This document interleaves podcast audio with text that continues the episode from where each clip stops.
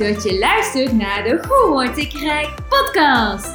Ben jij nou ook benieuwd hoe de wet van de aantrekking ervoor kan zorgen dat jij rijk wordt? Mijn naam is Tamara Straatman en ik ben multimiljonair. In mijn podcast deel ik met jou levenslessen over mindset, innerlijke rijkdom en hoe ook jij financieel rijk kunt worden. Leuk dat je weer opnieuw luistert naar een nieuwe aflevering van de Hoe Word ik Rijk podcast. Vandaag in de uitzending hebben we een gast, Chantalle Noordermeer. Chantalle en haar partner Marijn, ouders van twee jonge kinderen, zijn vanaf 2013 begonnen met ondernemen.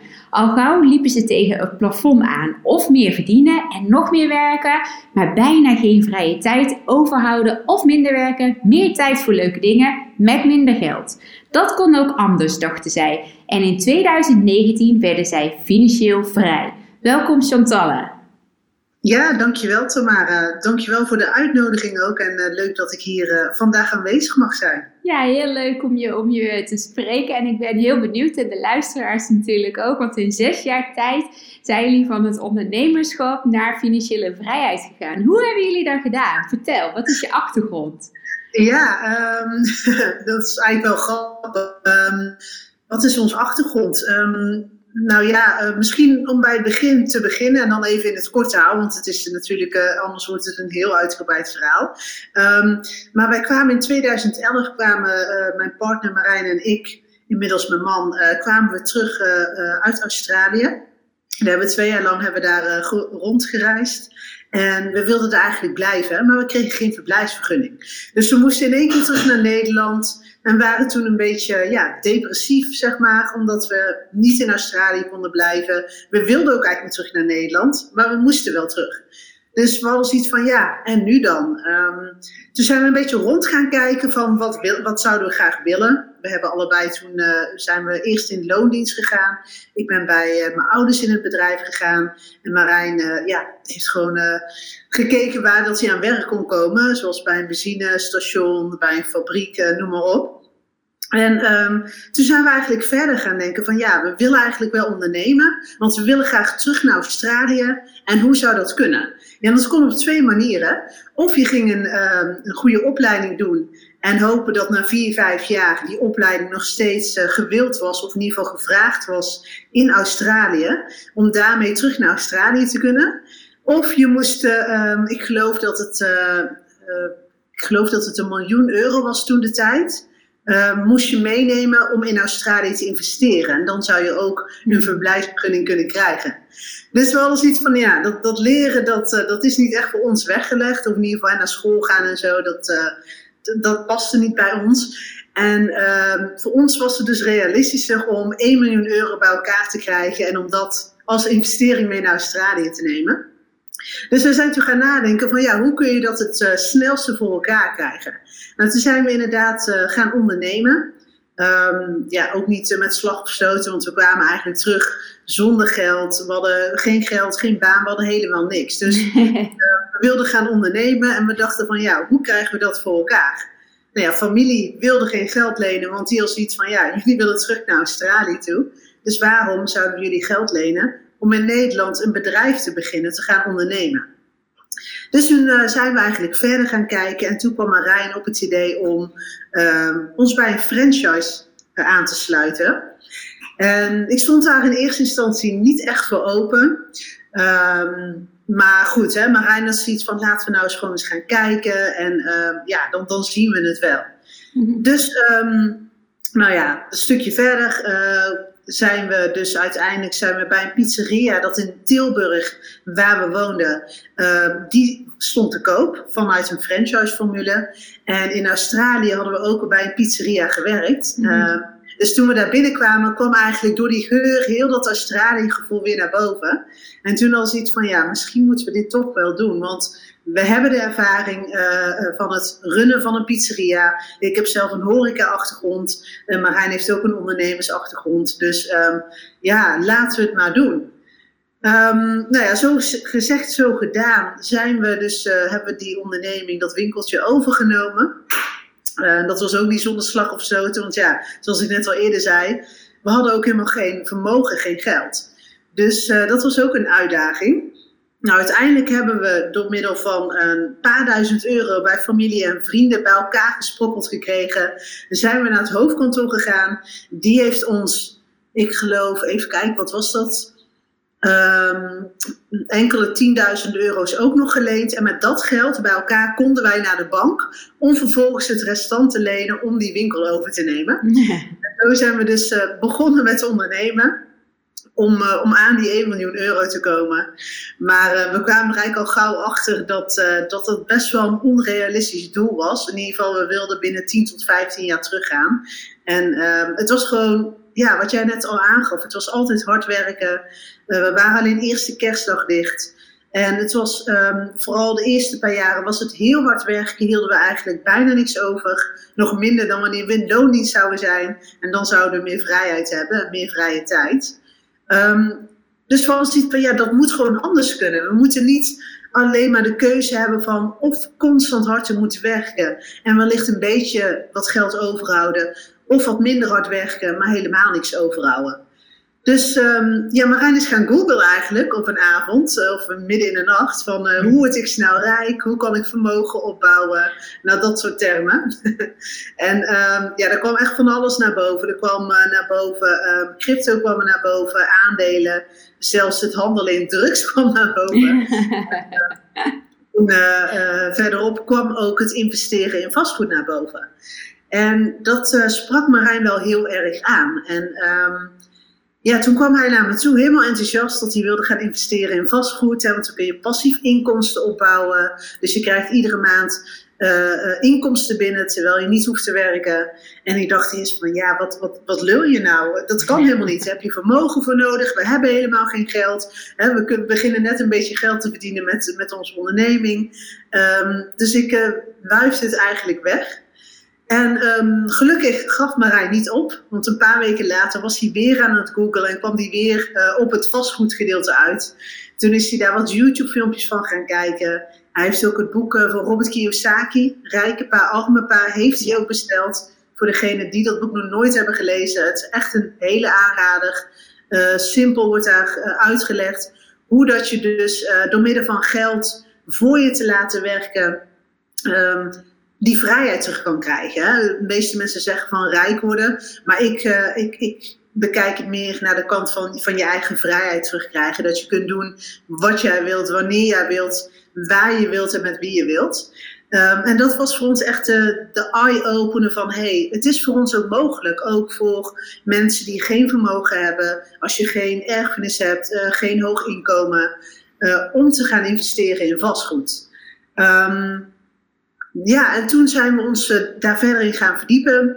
Nog meer boeken gaan lezen. We hebben cursussen gedaan in binnen- en buitenland over vastgoed, maar ook over het investeren in het algemeen. Um, om zo kennis op te doen. En in 2014 hadden we ons eerste pandje aangekocht. Um, en dat ging ook weer niet met slag of stoten. Je, onderbreek even, want je zegt inderdaad, jullie hadden geen eigen vermogen en toch kopen jullie een eerste pandje aan. Want je kwam er inderdaad achter van dat het niet per se nodig is om eigen vermogen of veel eigen, eigen vermogen te hebben of een erfenis of iets dergelijks. Hoe hebben jullie dat dan voor elkaar gekregen? Ik denk dat de luisteraar dat echt heel erg uh, graag zou willen weten, dat ze daar heel nieuwsgierig naar zijn. Ja, ja klopt. Ja, er zijn heel veel mogelijkheden. Um, en wellicht dat ik er straks nog een aantal inderdaad mm -hmm. verder uh, kan toelichten. Maar hoe wij zijn begonnen, um, wij, hadden dus, wij woonden op dat moment in een huurhuis. Um, ik was hoogzwanger van ons eerste kind. Uh, en we woonden gewoon in een eensgezinswoning. Dat huis huurden we. Dus we hadden een mooi appartement gevonden in Tilburg dat we wilden gaan verhuren. En we hadden een mooi plan gemaakt voor de bank, allemaal opgeschreven, hè, de inkomsten, uitgaves. Um, en we gingen trots naar de bank toe van, hey, willen jullie ons geld hiervoor lenen? Uh, willen jullie ons een hypotheek geven, zodat wij dit pandje kunnen aankopen en kunnen verhuren? En het antwoord was, nee, dat gaat niet. en toen hadden ze iets van, oh, oké, okay, dat, dat is balen. Maar uh, we hadden een hele goede adviseur, een hele meedenkende adviseur. Um, en die zei toen, die zei van, weet je wat je doet? Je kunt wel dat pandje kopen voor jezelf. Dus als je er eerst zelf in gaat wonen. En wat je nou doet, over een half jaar, dan zet je dat appartement te koop. Maar voor een veel te hoog bedrag. Die zet het online, die zet er maar één lelijke foto bij. Uh, en na een half jaar kom je bij ons terug en dan zeg je van ja, ik heb mijn, mijn uh, woning heb ik al een half jaar te koop staan. We willen graag weg en uh, mogen wij het niet gaan verhuren? Want wij gaan straks eruit en dan zitten we met dubbele lasten die we wellicht niet kunnen betalen.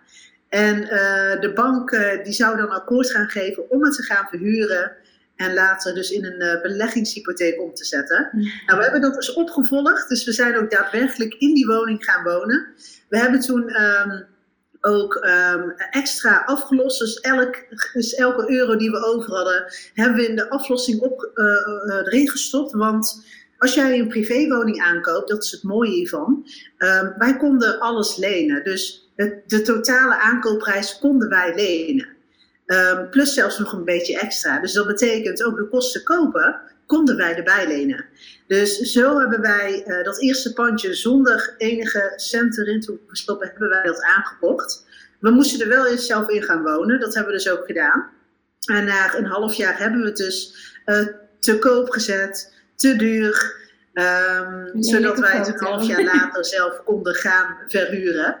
Uh, en we hadden inderdaad in de tussentijd ook al een andere woning uh, aangekocht, een andere privéwoning. Dus het was ook wel, het klopte ook het verhaal van hey, we hebben een, willen een andere woning kopen, we zitten anders met dubbele lasten. Um, dus uh, in die tussentijd natuurlijk, want als jij een beleggingshypotheek aanvraagt, dan krijg je geen hypotheek van 100% van de koopprijs. Dat gaat tot 80, 90% vaak. Um, uh, sommigen doen het wel 100% op een creatieve manier, maar ik weet niet of dat ik dat zou aanraden. Maar in ieder geval, je hebt dus wel een klein beetje eigen vermogen nodig. Maar omdat we in de tussentijd hebben afgelost en in de tussentijd uh, ja, was de waarde ook enorm gestegen, konden wij dus dat appartementje van onze privéhypotheek naar een beleggingshypotheek omzetten zonder daar nog geld in te stoppen. Omdat er ondertussen overwaarde was ontstaan. En die overwaarde konden wij dus gebruiken om die kosten te betalen, om het over te zetten naar een uh, verhuurwoning. Heb je dat slim aangepakt?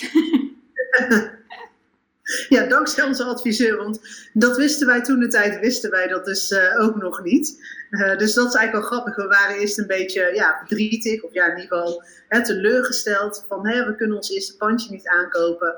Maar dankzij haar is dat toch uiteindelijk wel gelukt ja, ehm, mooi. En, en, je eerste pandje, maar je, bent zes jaar later na het start van ondernemen financieel vrijgeraakt. En dat is natuurlijk nog niet bij één pandje. Dus jullie reis is daarin nog veel verder uh, gegaan.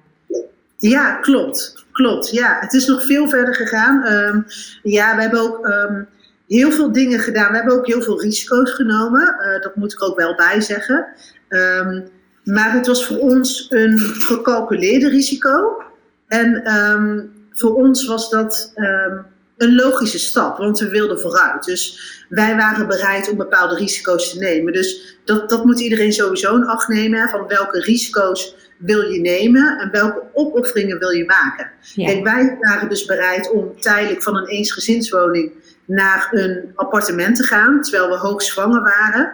Um, om zo te beginnen met investeren in vastgoed. Ja. Um, wij hebben ook um, uh, later, nou ja, wij hebben um, in 2019 bijvoorbeeld, hebben wij uh, tien panden aangekocht. Mm -hmm. En wat we toen hebben gedaan is om zo min mogelijk eigen vermogen erin te stoppen, was uh, dat we eigenlijk gebruik maakten van de waardestijging die op dat moment aan de gang was. Dus wij zagen dat de markt flink aan het stijgen was.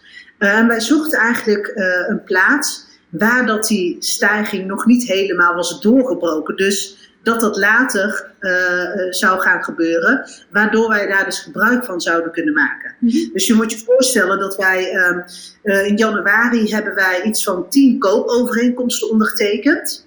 Maar die panden zouden wij later in het jaar pas gaan afnemen. Dus als jij in januari een prijs afspreekt, stel je voor, we spreken nu al van oké, okay, we we gaan nu een prijs afspreken van we kopen die woning voor een ton over.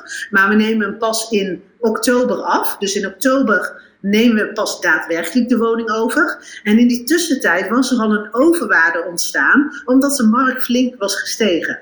Ja, en zo konden wij dus ook uh, gebruik maken van die overwaarde door eerder een prijsafspraak te maken en het later pas aan te kopen. En uh, daardoor hebben wij dus heel veel panden kunnen aankopen ja, met zo min mogelijk eigen vermogen. Uh, maar dat, daar zat natuurlijk wel een risico in. Want wat als de markt niet zou gaan stijgen zoals we hadden verwacht? Dan zaten we natuurlijk wel met een hoop koopovereenkomsten. En geld uh, ja, dat we niet hadden. Ja, en, dus, en, en, en, dat is natuurlijk toen ook gunstig uitgepakt. Maar uh, ja, misschien onderbreek ik je even in je verhaal. Maar ik ben dus heel benieuwd. Want nu is het natuurlijk dat de woningmarkt stagneert. En ze verwachten ook misschien dat de prijzen wat gaan zakken. Dus heb je daar nu, kijk je daar anders tegenaan? Welke strategieën zou je dan nu gaan toepassen? Heb je daar ideeën over die je met ons kunt delen? Ik uh, kijk niet anders tegen de markt aan. Um, al die jaren hebben wij, uh, en het is mooi dat je inderdaad zegt een strategie. Um, we hebben inderdaad een duidelijke strategie. En die is natuurlijk wel een beetje aangepast in de loop van de tijd. Maar toen wij begonnen, was onze strategie was, uh, tot maximaal voor een ton iets aankopen. En hem eigenlijk tussen de 700 en 800 euro te verhuren om zo een goede eh, cashflow eraan over te houden. Dus een goede winst aan het einde van de maand, wanneer eh, de hypotheek en overige lasten eraf zijn gehaald. Um, nou, natuurlijk, hè, uh, om iets voor een ton aan te kopen, dat is ons dit jaar nog wel gelukt. Maar heel realistisch, dat, dat gaat ons waarschijnlijk niet nog een keer gebeuren mhm. dit jaar. Um, dus onze strategie is alsnog Um, uh, maximale aankoopprijs 150.000 euro voor tussen de 850 en 1000 euro te kunnen verhuren. Uh, en wat wij eigenlijk altijd doen, wij betalen nooit meer dan de daadwerkelijke waarde. En wat bedoel ik daar precies mee? Uh, er is een verschil tussen wat iemand ervoor wil betalen en wat een waarde van een object is. Ja. En dat is ook heel belangrijk. Um, want als investeerder krijg jij een hypotheek op basis van de daadwerkelijke waarde, ook wel genoemd de taxatiewaarde. Dus wat wij ook hebben gedaan, we hebben heel vaak woningen, of eigenlijk altijd woningen aangekocht die onder die taxatiewaarde lagen. Um, en je moet je voorstellen, als jij dus iets koopt voor 80.000 euro, wat eigenlijk 100.000 euro waard is, uh, die 80.000 euro is dus 80% van die 100.000 euro. En je gaat naar de bank toe maar je neemt een hypotheek van 80% van die taxatiewaarde. Dat is dus de gehele aankoopprijs. Dus dan hoef je alleen nog jouw kosten kopen zelf bij te leggen. Of als je nog scherper inkoopt, en dat hebben we ook wel eens gehad, hoefden wij helemaal niks bij te leggen, omdat we die kosten kopen ook nog eens mee konden financieren, om het zo maar te zeggen. Uh, omdat we dus zo ver onder die taxatiewaarde hadden aangekocht. Um, en dat is dus eigenlijk de eerste winst die je al maakt. Want hoe verder je onder die taxatiewaarde aankoopt, hoe minder eigen geld of ander vermogen je in moet leggen dan, uh, dan dat nodig is buiten die hypotheek. En je kijkt dan uh, natuurlijk appartementen, maar zijn dat dan ook appartementen waar nog veel aan geklusten verbouwd moet worden? Of hoe, hoe, hoe vinden jullie dat soort appartementen? Um, dat, dat kunnen inderdaad appartementen zijn waar iets aan verbouwd moet worden. Vooral in deze tijd uh, de pareltjes, zoals wij ze noemen, de golden nuggets. Dus die, die woningen onder de taxatiewaarde, daar moet vaak iets aan gebeurd worden. Um, maar daardoor kun je ze ook vaak juist goedkoper aankopen. Kijk, een privékoper, die um, vooral in deze tijd, hè, starters, die hebben vrijwel geen vermogen, geen spaargeld. Dus die kunnen niet uh, een woning kopen waar nog iets aan verbouwd moet worden, omdat ze dat geld ervoor niet hebben. En zij kunnen wel een kant-en-klare woning, dus meer voor een woning betalen, dat kunnen zij wel. Want ze krijgen wel een hogere hypotheek voor de aankoopprijs, maar ze krijgen vaak geen hogere hypotheek om ook nog een verbouwing mee te bekostigen. Mhm. Dus juist degene waar nog iets aan gebeurd moet worden, dat zijn juist degene waar we vaak voor gaan, omdat we die juist uh, ja, goedkoper kunnen aankopen. Ja, die zijn minder gewild bij de particulieren. Precies, ja, omdat zij simpelweg dat geld niet hebben. En dat geld ook niet kunnen lenen. Um, en vandaar dat zij dus ook uh, ja, niet veel voor zo'n woning bieden. Er zijn veel minder gegadigden, er zijn veel minder kopers. Uh, en dus uh, ja, kun je daar nog vaak wel mee onderhandelen. Ja, fijn. En ja, op die manier, uiteindelijk 2019 zeg je, hebben we tien panden aangekocht. En is dat dan het moment geweest dat je de eerste keer die financiële vrijheid hebt uh, mogen ondervinden? Hoe, hoe, en hoe was dat? Uh, ja, nee, klopt. Uh, we hadden in de tussentijd hadden we nog een aantal losse panden ook aangekocht. Dus we hadden iets meer dan tien panden. Um, en toen was het inderdaad zo van: oké, we zijn nu op een moment gekomen dat uh, de, de maandelijkse cashflow die we uit die panden halen, daarvan zouden wij kunnen leven. Um, en dat was inderdaad het eerste jaar, eind 2019, dat dat gebeurde. Dat, we, dat, ja, dat die huurpanden genoeg waren om van te leven. En dat is wel een heel vreemd moment, moet ik zeggen. Een heel mhm. vreemd gevoel van: oké, dit is het moment dat eigenlijk nooit meer moeten werken. We vinden werken heel leuk hoor. Het ondernemen vinden we leuk, dus dat zullen we altijd blijven doen. Maar het geeft wel een heel fijn en prettig gevoel dat, dat het niet meer moet. Dat je mhm. altijd een backup hebt. Um, en dat je ja, gewoon altijd dingen kunt doen die je leuk vindt of um, iets nieuws kunt proberen, omdat je die vrijheid daarvoor hebt.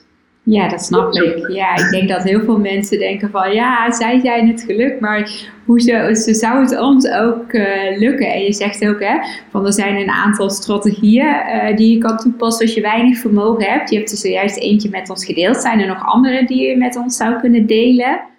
Ja, zeker. Um, ja, dat is ook het, mooie, want wij dachten dus ook, voordat wij begonnen, van ja, je moet heel vermogend zijn, het is niet nooit weggelegd. en, en dat is dus ook een van de eye-openers van, echt iedereen kan het. Alleen, het is wel afhankelijk van hoe ver jij bereid bent om te gaan, hoeveel actie jij wilt ondernemen en hoeveel risico's jij wilt nemen. Want de ene moet nou eenmaal meer risico nemen dan de ander. Mm nou ja, hoe zou je nog meer kunnen beginnen als je zelf uh, geen spaargeld hebt? Uh, want dat is vaak wat mensen eigenlijk denken. Hè? Vermogen, ik moet geld hebben, cash op mijn bank hebben staan. Dat is niet het geval. Waarschijnlijk zijn er mensen die nu luisteren, die wellicht niet veel op hun spaargeld hebben staan, maar wel bijvoorbeeld een privéwoning hebben. En in de afgelopen jaren, ja, is die waarschijnlijk ook enorm in waarde gestegen. Dus dat betekent dat je ook overwaarde hebt. Dus jouw woning is meer waard op dit moment dan de hoogte van jouw hypotheek. En als jij die overwaarde zou kunnen opnemen, dan heb jij wel vermogen om vervolgens daarmee vastgoed te kunnen aankopen. Dat is een van de manieren waarop heel veel van onze cursisten, wij noemen het ook als achievers, mhm. uh, beginnen met vastgoed. Hè. Ze hebben zelf een privéwoning, ze halen de overwaarde eruit en beginnen daarmee met investeren in vastgoed. Maar dat is natuurlijk niet de enige uh, manier. Want er zijn ook mensen die geen privéwoning hebben, die zelf bijvoorbeeld huren. Um, daarmee kun je ook, als je bijvoorbeeld een student bent, wat je dan kunt doen, is een privéwoning kopen. En ja, meestal vinden diegenen het leuk om wel kamergenoten te hebben, huisgenoten. Dus je koopt zelf een woning en je verhuurt de overige kamers, verhuur je gewoon aan vrienden of andere studenten. En door middel van die huurinkomsten kan jij weer jouw hypotheek mee betalen. En wellicht meerdere kosten die je elke maand hebt. Uh, dat is ook een manier. En wat ik net al eerder aangaf, als jij een privéwoning koopt, dan kan jij um, ehm, 100% kan jij lenen, of bijna 100% kan jij lenen van de aankoop van die woning. Dus je hebt heel weinig geld nodig die je daarin, kunt, uh, die je daarin moet stoppen om een woning te kopen. Um, een andere manier is bijvoorbeeld door met iemand samen te werken die wel vermogend is. Want er zijn heel veel mensen die wel geld op hun bankrekening hebben staan, maar die of geen tijd hebben om zelf naar panden te zoeken en uh, het beheer uit te voeren, of die daar simpelweg ook geen zin in hebben. Die denken van ja, al dat gedoe voor hè, een paar honderd euro per maand, heb ik allemaal geen zin in. Dus als jij hun ervan kunt overtuigen dat jij de geschikte partner bent, dan kan daar wel een win-win situatie uit ontstaan. Als zij het geld hebben om een pandje mee aan te kopen, of het geld hebben om de inleg uh, voor dat pandje te realiseren, dus waarmee je dus een hypotheek kunt aanvragen. En jij regelt de rest, het beheer, de nieuwe huurders, het onderhoud, het zoeken van panden, et cetera. Daar staan heel veel vermogende mensen best wel uh, positief tegenover. Ja, een stukje ja. ontzorgd worden. Precies, ja. Ze worden compleet ontzorgd. Ja, en ze vinden het ook wel leuk om, eh, om vaak uh, enthousiaste en uh, ambitieuze mensen te helpen. Ja, het is natuurlijk ook, je moet het maar net weten welke mogelijkheden en opties er zijn. Want ik denk dat heel veel mensen in hun hè, belemmerende gedachten uh, daarin ja. in die overtuigingen vastzitten. En je hebt al een aantal strategieën gedeeld. En als ik nou in je grootste inzichten, maar ook de valkuilen waar je mensen voor zou willen behoeden, wat zou je dan aan advies en inzichten mee willen geven? Ja, ehm, een grote inzicht, of in ieder geval iets wat ik nog vaak terugzie bij mensen, is dat ze vaak te snel willen gaan. Ah, ja. Ze denken van, oh, ik ga vandaag beginnen met vastgoed en ik ben over een jaar financieel vrij. ja, niet En, en realistisch. dat zijn ja, vaak mensen die dan inderdaad geen spaargeld of geen vermogen hebben.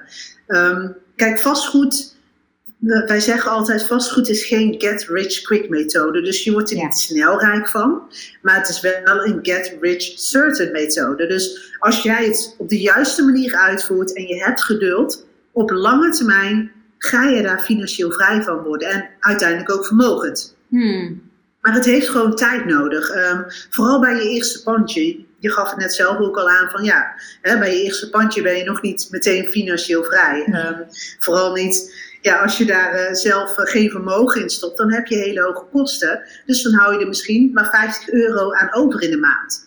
En heel vaak denken mensen van ja, al dat gedoe voor 50 euro in de maand, hmm. dat vind ik het niet waard. Uh, maar je moet het echt op lange termijn bekijken. Van, je begint met 50 euro. Ieder jaar hè, uh, los je waarschijnlijk wat af. Je hebt ieder jaar verhoog je nog de huur. Dus die 50 euro wordt ieder jaar wordt die steeds een beetje meer. En hoe meer panden jij hebt, Ja. en dat is ook alweer de kracht van de getallen. Uh, al die kleine cijfertjes bij elkaar leveren een groot bedrag op. Um, en je moet ook ergens beginnen. Ik vind het nu een heel fijn gevoel dat wij die keuze toen de tijd hebben gemaakt. Ondanks dat we ook maar 50 euro of 100 euro in de maand overhielden met één pandje. Um, wij zijn nu wel financieel vrij daarvoor. Ja. Um, en dat geeft een heel fijn gevoel. Dus het, het, het, hou echt het lange termijn uh, visie in gedachten. Uh, dat is heel belangrijk. Um, en wellicht wat valkuilen. Um, koop niet te snel iets aan. Uh, we hebben ook cursisten die op een gegeven moment, ja, na een half jaar of na een jaar nog niks hebben gevonden. En die dan maar iets aankopen om maar aan te kunnen kopen. Hmm. Wat uiteindelijk een hele slechte deal blijkt te zijn. Waardoor ze een negatieve cashflow iedere maand hebben bijvoorbeeld. Of te veel eigen geld erin moeten stoppen. Um, blijf hierbij ook geduldig en koop alleen een goede deal aan. Ja, en daar begeleiden jullie natuurlijk mee tijdens jullie cursus uh, hoe dat ze dat kunnen herkennen. En daar zitten natuurlijk ook allerlei rekenmodules uh, uh, komen daarbij kijken qua kosten en opbrengsten. Ja, precies. Ja, ja. en het, het is niet zo heel moeilijk, want je zegt inderdaad rekenmodules. Um, we leren hun inderdaad hoe ze op een simpele en makkelijke manier um, kunnen inzien of dat een pand een goede deal is of niet. En ook als je inderdaad rekening niet leuk vindt of daar niet goed in bent, je hoeft echt geen rekenwonder te zijn. Dus um, um, vastgoed is heel simpel. Als je de kennis weet, als je weet waar je op moet letten, dan, uh, dan is het eigenlijk heel simpel. En dan moet je gewoon geduld hebben. En wellicht wat jij eerder aangaf, ja, komen er straks wel weer makkelijkere tijden aan om goede panden te vinden. Maar dan wordt het weer wat lastig om, om panden te financieren. Mm-hmm. Dus het is altijd grappig ook als mensen zeggen van ja, hè, jullie hadden het makkelijk. Jullie konden aan goedkope panden vinden, want de markt was toen nog niet zo heet. Alleen toen was het financieren van vastgoed weer heel erg moeilijk. Ja. Um, toen waren er nog niet zoveel beleggingspanden. Uh, er waren ook uh, banken die niet wilden financieren, bijvoorbeeld in de plaats Vlissingen, waar we veel hadden aangekocht. Mm-hmm. Dus um, elke periode heeft weer zo zijn andere uitdagingen. Dus um, ja, en een uitdaging is uiteindelijk ook leuk, denk ja. ik.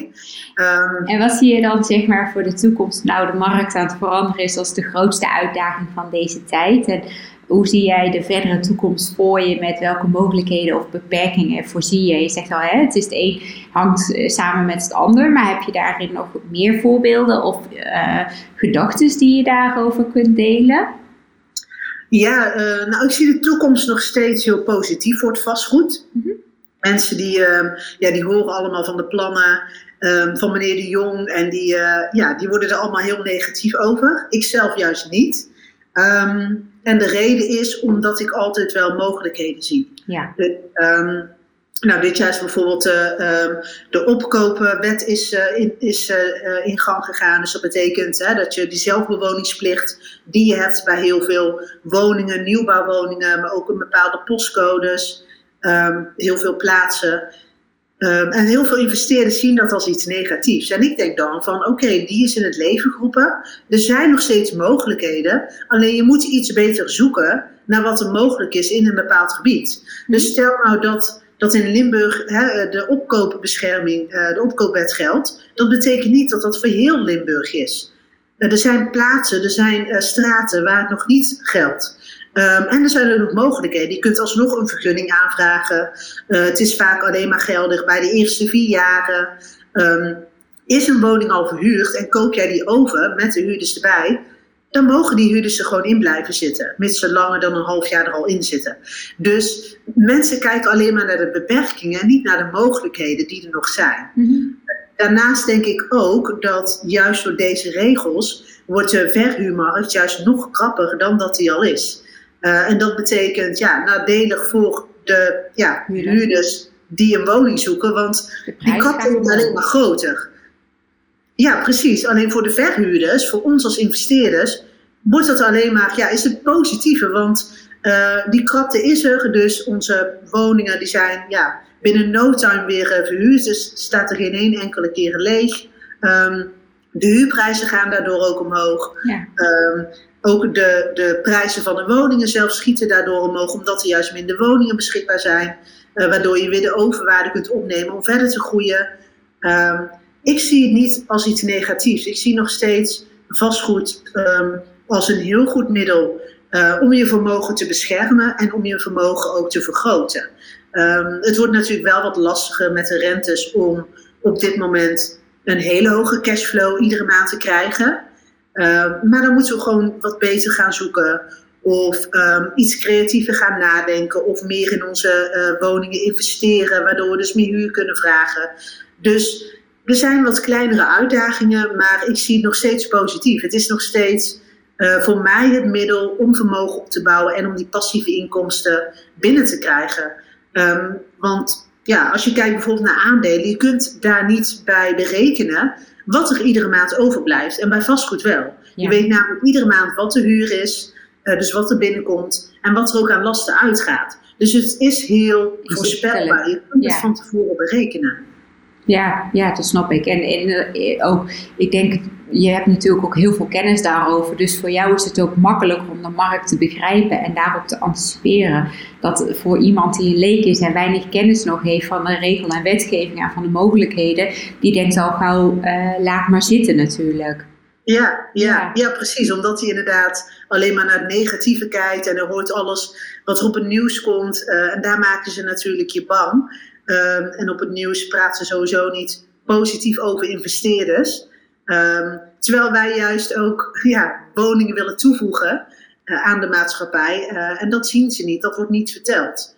Hmm. Dus dat is wel een beetje jammer. Dus het is inderdaad heel begrijpelijk dat mensen die graag willen beginnen, maar nog geen ervaring of kennis hebben, dat die een beetje uh, schrikken van alles om hen heen wat er gebeurt. Omdat het heel negatief is. Ja.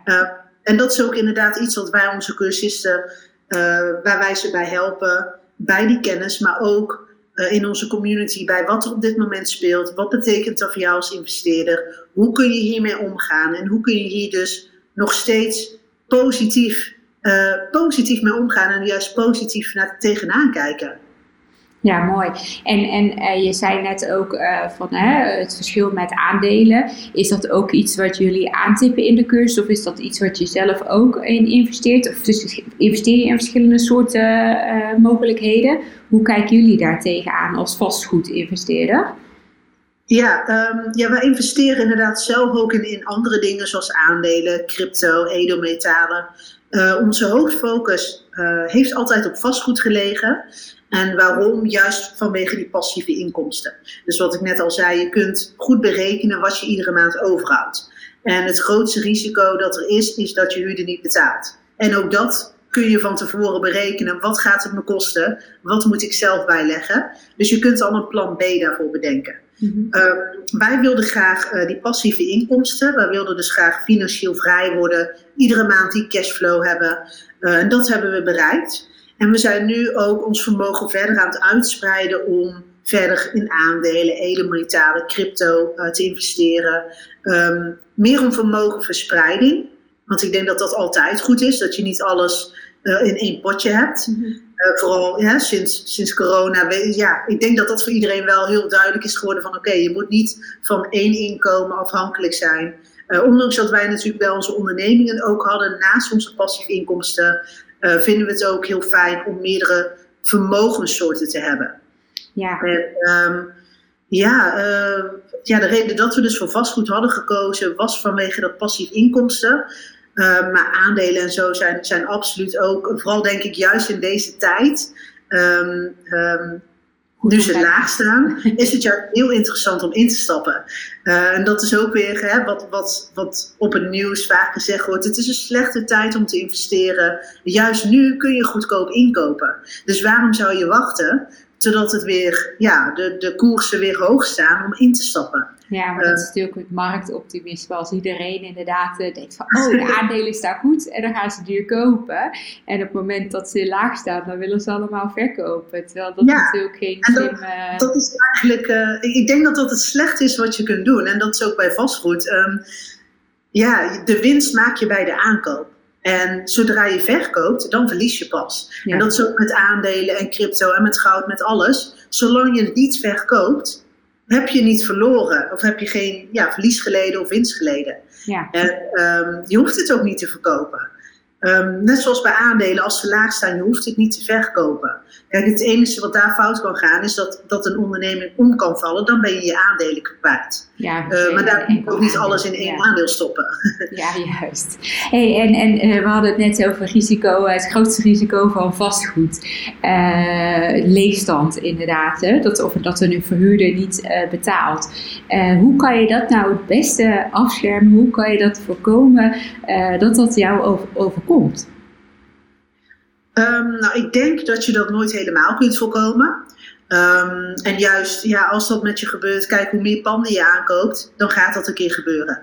Um, we hebben het zelf één keer meegemaakt uh, dat een huurder niet betaalt. Maar ik moet zeggen, die huurder die betaalt dat nu alsnog met terugwerkende kracht. Okay. Dus we krijgen uiteindelijk wel de huur, alleen duurt het wat langer. Um, ja, het is niet leuk, want um, kijk, een huurder betaalt niet en op een gegeven moment, als iemand niet betaalt, dan wil je diegene uit je woning hebben. Ja, maar dat kan niet zomaar.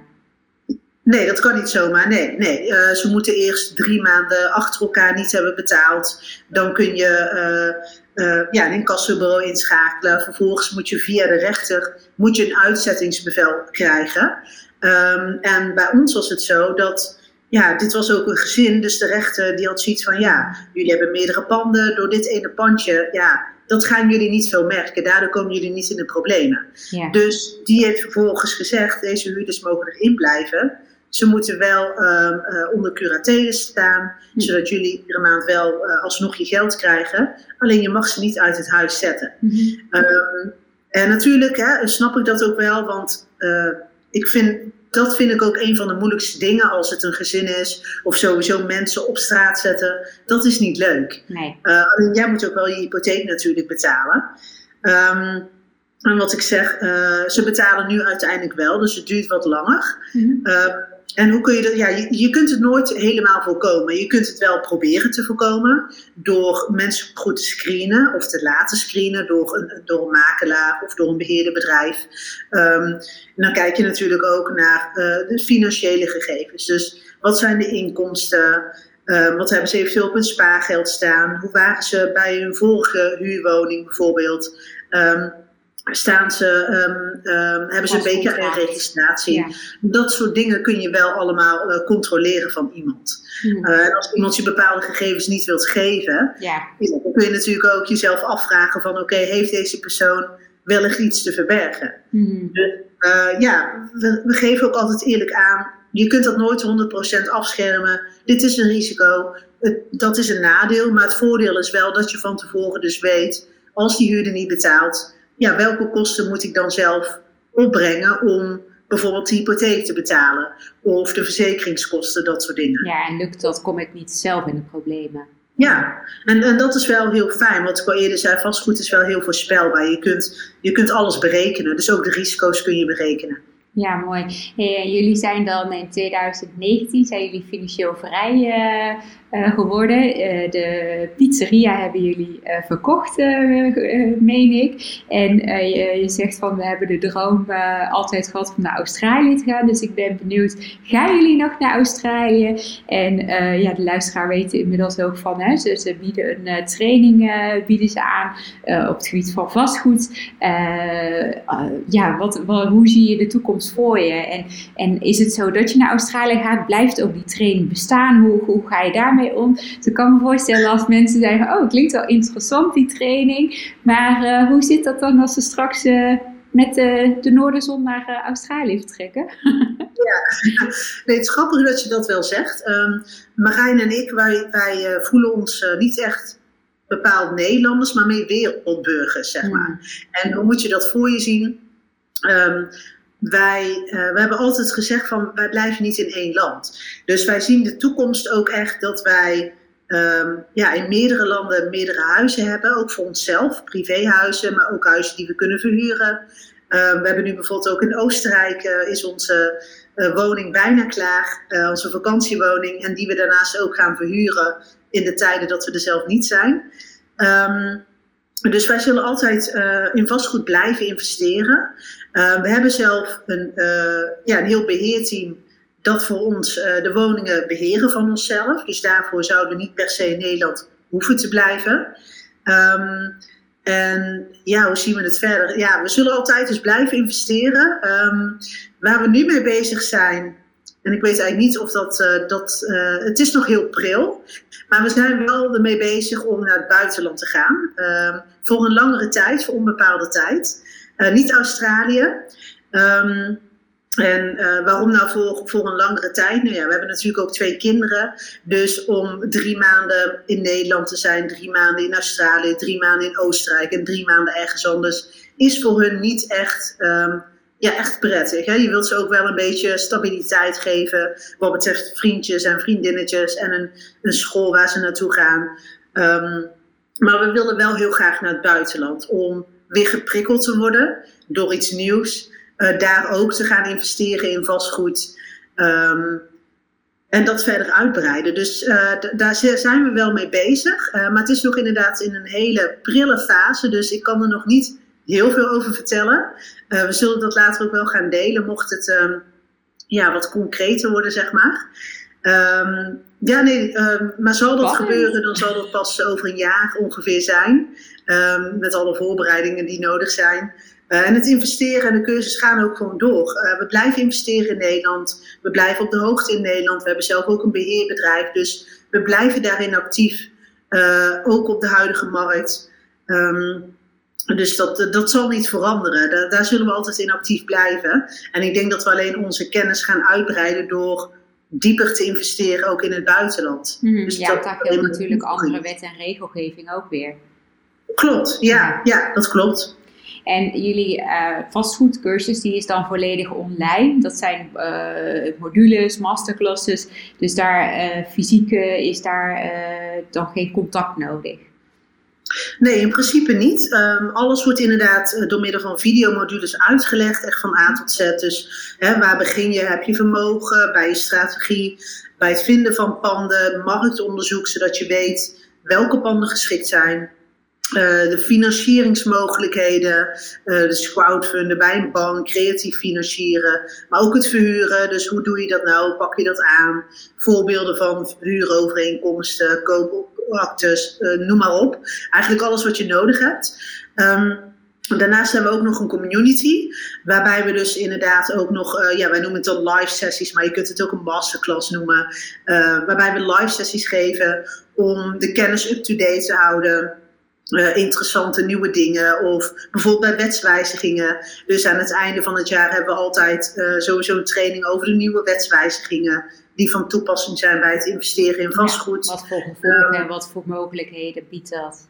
Ja, precies, ja. Maar ook uh, de cursus wordt ook constant geüpdate, want er zijn natuurlijk hè, constant nieuwe ontwikkelingen, ook wat betreft wetswijzigingen, maar ook andere nieuwe ideeën, hè, zoals het Airbnb dat de afgelopen jaren enorm is gegroeid. Mhm. onze cursisten kunnen ons ook vragen stellen in de community. En ook als ze ja, privévragen hebben, um, kunnen ze ons ook een privébericht sturen. Uh, we hebben ook heel vaak cursisten die zeggen van hé, hey, ik heb een pandje op het oog, maar voordat ik de koopakte onderteken, willen jullie even met me meekijken om ervoor te zorgen dat ik niks over het hoofd zie. Ja. Nou, dat doen we bijvoorbeeld ook en vooral dat vinden ze heel erg prettig. Dat ze ja, een steuntje in de rug hebben, even kijken van hey, doe ik het wel goed, mis ik niets over het hoofd. Uh, en zo hebben we ook wel uh, ja, heel wat cursisten uh, geholpen om geen miskoop te maken, om het zo maar te zeggen. Ja, heel fijn. En, en dit is natuurlijk de uitgebreide cursus. Je hebt ook een mini vastgoedcursus heb je ontwikkeld. kun je daar iets over vertellen? Wat leren mensen daar en wat is het verschil met de grote cursus? Ja, de mini-cursus is meer een introductie van wat de totale cursus te bieden heeft. Dus wat je krijgt, je krijgt van twee modules krijg je een aantal video's in de mini-cursus. Um, en dat gaat dan met name over je eigen strategie bepalen en over het financieren. Dus dan krijg je al een beetje een inzicht van wat is er mogelijk voor mij, wat zijn de mogelijkheden en hoe ziet onze cursus uh, er nou verder uit. Um, en dat is inderdaad om, om, mensen kennis te laten maken met, uh, met hoe wij onze cursus aanbieden en of dat, dat bij hun past. Ja, superleuk. En uh, ik kan me voorstellen dat de luisteraar geïnteresseerd is en die, ja, die, die hier meer over zou willen weten, uh, dan hebben jullie nu de mini-cursus vastgoed ter waarde van 397 euro voor slechts 99 euro. En dat is een tijdelijke aanbieding. En als ze hier gebruik van willen maken, kunnen ze straks uh, de link in de beschrijving van de podcast uh, volgen. Uh, Chantalle, ik wil je in ieder geval heel erg bedanken voor je tijd en alle boeiende inzichten die je met ons hebt gedeeld. En heb je ter afsluiting misschien nog je belangrijkste tip die je met ons zou willen delen? De belangrijkste tip. Um, nou, de belangrijkste tip, denk ik, dat is dat, uh, dat je niet moet denken dat er iets niet mogelijk is voor jou. Uh, ja, IBA, ons, ons vastgoedbedrijf, staat voor Imagine, Believe, Achieve. En uh, ja, ik heb ontdekt dat dat ook daadwerkelijk zo is. Dus als jij denkt dat jij iets kan, ga bedenken hoe dat je dat zou kunnen realiseren en ga het uitvoeren. En laat niemand je, ja, je tegenhouden. Dus zoek, zorg dat je die mensen zoekt die jou juist inspireren. Dus, ja, mooi. Nou, en ik denk ook, hè, als ik dan de luisteraar inderdaad dan nog aanvullend op jou uh, mag zeggen, zoek ook de mensen inderdaad op die uh, het pad al gelopen hebben. Want daar vind je de beste adviezen. Net als wat jij zegt in de cursus. Passen we ook dingen aan naar de markt of naar de, de wetswijzigingen, et cetera. Of de kansen die zich voordoen. En ik denk dat je het maar net moet weten. En als je bij mensen zit die er dagelijks mee bezig zijn, dat je dan bij de beste mentoren aan tafel zit, denk ik.